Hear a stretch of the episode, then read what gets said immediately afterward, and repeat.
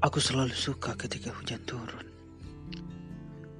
Dia selalu bisa menjadi jembatan pemikiran atas kisah antara kita. Selalu dingin, tapi kehangatan akan muncul karenanya, bukan? Sama seperti perbincangan kita di bawah kuyuh malam itu. Rasanya selalu ingin kuulang waktu itu manis dan menghangatkan hati. Aku selalu suka ketika hujan turun. Riuh suaranya. Mengingatkanku akan celotehmu malam itu. Kau berbicara tentang bintang, tentang bulan, tentang matahari yang selalu membuatku kagum. Meski Aku sama sekali tak mengerti tentang semua itu. Karena bagiku, kaulah sosok jahat tersebut. Menjadi kompas atas sesatku, menjadi terang atas gelapku, dan juga hangat atas hidupku. Selamanya hanya tentang kamu. Namun tenang, untuk masa bahagia itu, selalu kusiapkan hatiku menerima kepahitan atas pengharapan. Aku tahu tak sedetik pun waktumu tertuju untuk aku. Aku tahu pula tak sebengkal ceritamu pun terkisah bersama aku.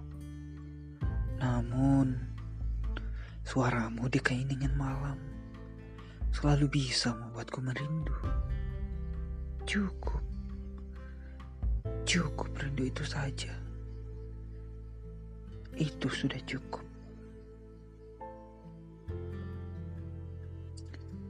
Hidup emang tak selamanya seperti di negeri dongeng. Berawal prolog, berakhiran epilog. Namun karenanya, mungkin kita bisa menjadi dewasa. Coba kita bayangkan ketika semua yang kita inginkan menjadi kenyataan. Akan menjadi sediktator apa kita? Manusia mana sih di dunia ini yang memiliki pemikiran yang sama? Hati yang sama, perilaku yang sama.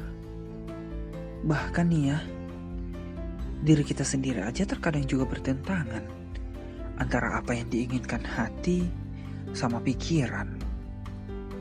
Benar gak? Apalagi mengenai perasaan. Ini sudah banyak kasusnya.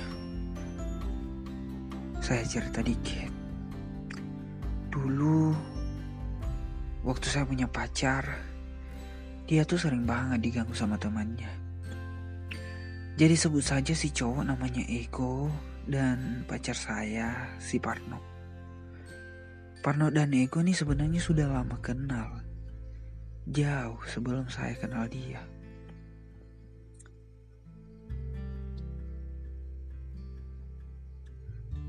Mereka satu sekolah dulunya dan sempat juga pacaran.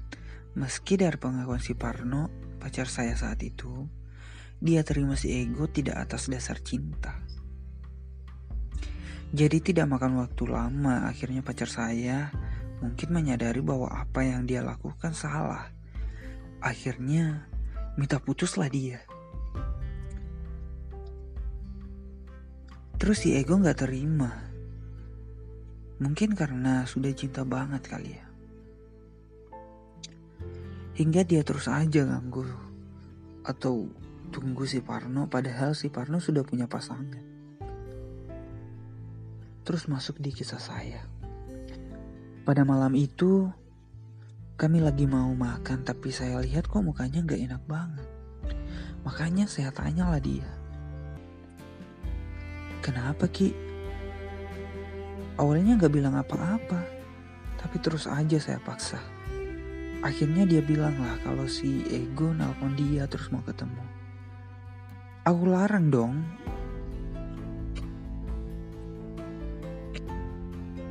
Apalagi dia orangnya nekat nanti pacar saya diapa-apain, wah bahaya juga pikirku. Terus nggak lama waktu kami di perjalanan, si Ego nelpon lagi. Akhirnya saya bilang, sini biar saya aja yang angkat. Bicaralah saya sama dia. Ternyata emang nekat orangnya. Bahkan sempat mau ketemu juga sama saya. Karena saya larang untuk ganggu si Parno lagi. Dia nggak terima kali ya. Tapi saya nggak nanggapin karena percuma juga pikirku. Bukan takut, tapi lebih mikir aja gitu. Pasti dampak negatifnya pas lebih banyak. Akhirnya saya suruh si Parno untuk blok aja nomornya. Beberapa waktu berlalu, si Ego masih menghubungi pacarku melalui nomor yang berbeda lewat sahabatnya tapi terus aja dicuekin.